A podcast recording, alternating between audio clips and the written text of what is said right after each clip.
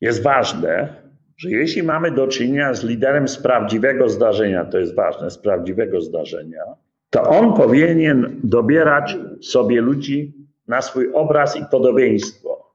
Więc dobierać sobie ludzi, którzy są, którzy są mentalnie podobni, mają podobny świat wartości.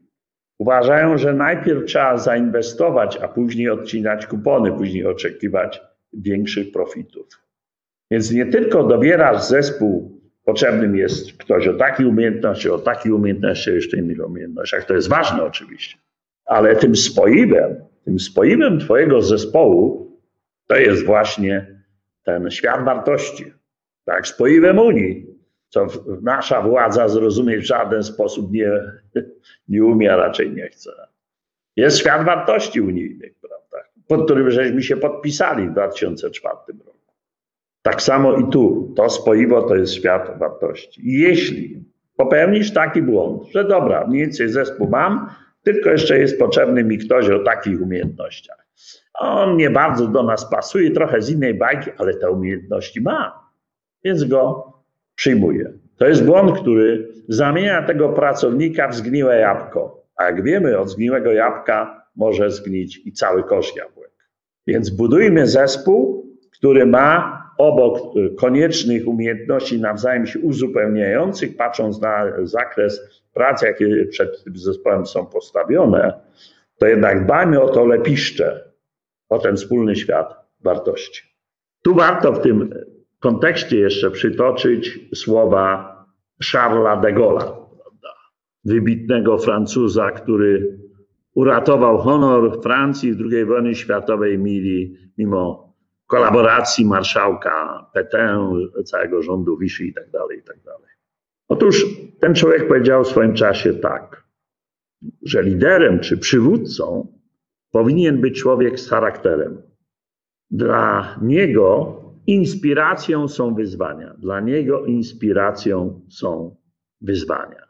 Człowieka z charakterem pociąga to, co trudne, i dopiero w zmaganiach z przeciwnościami, dopiero w zmaganiach z przeciwnościami poznaje, na co go naprawdę stać. Poznaje swój własny potencjał.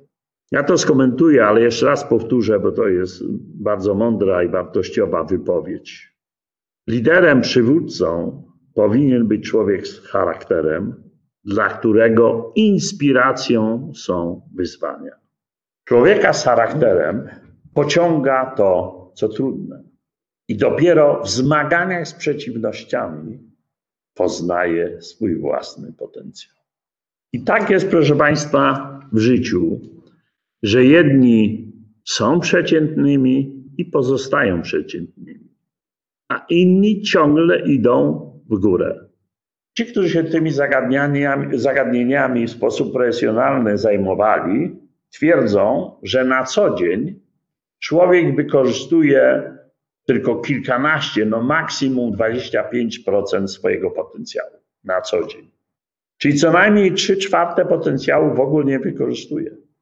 I dopiero kiedy skoczy na głęboką wodę, kiedy jest otwarty na duże wyzwanie, to uruchamia ten pozostały arsenał swojej umiejętności. Dopiero w ten czas, w takich trudnych okolicznościach, w takich dużych wyzwaniach, dopiero siebie poznaje. Poznaje, na co go stać. Dlatego warto w życiu być otwartym na wyzwania. To jest przesłanie De Gaulle'a. Warto w życiu, jeśli masz ambicje, chcesz coś osiągnąć, chcesz wykorzystać swoje talenty, swój potencjał, bądź otwarty na wyzwania.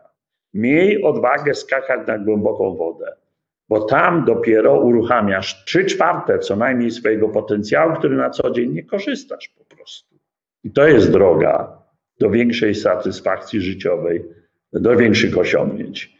Więc ci, którzy za bardzo kalkulują, prawda, którzy chcą jakoś to przetrwać, studia, może jakoś ten dyplom zdobędę, czy obojętnie o czym mówimy, do niczego w życiu nie dochodzą.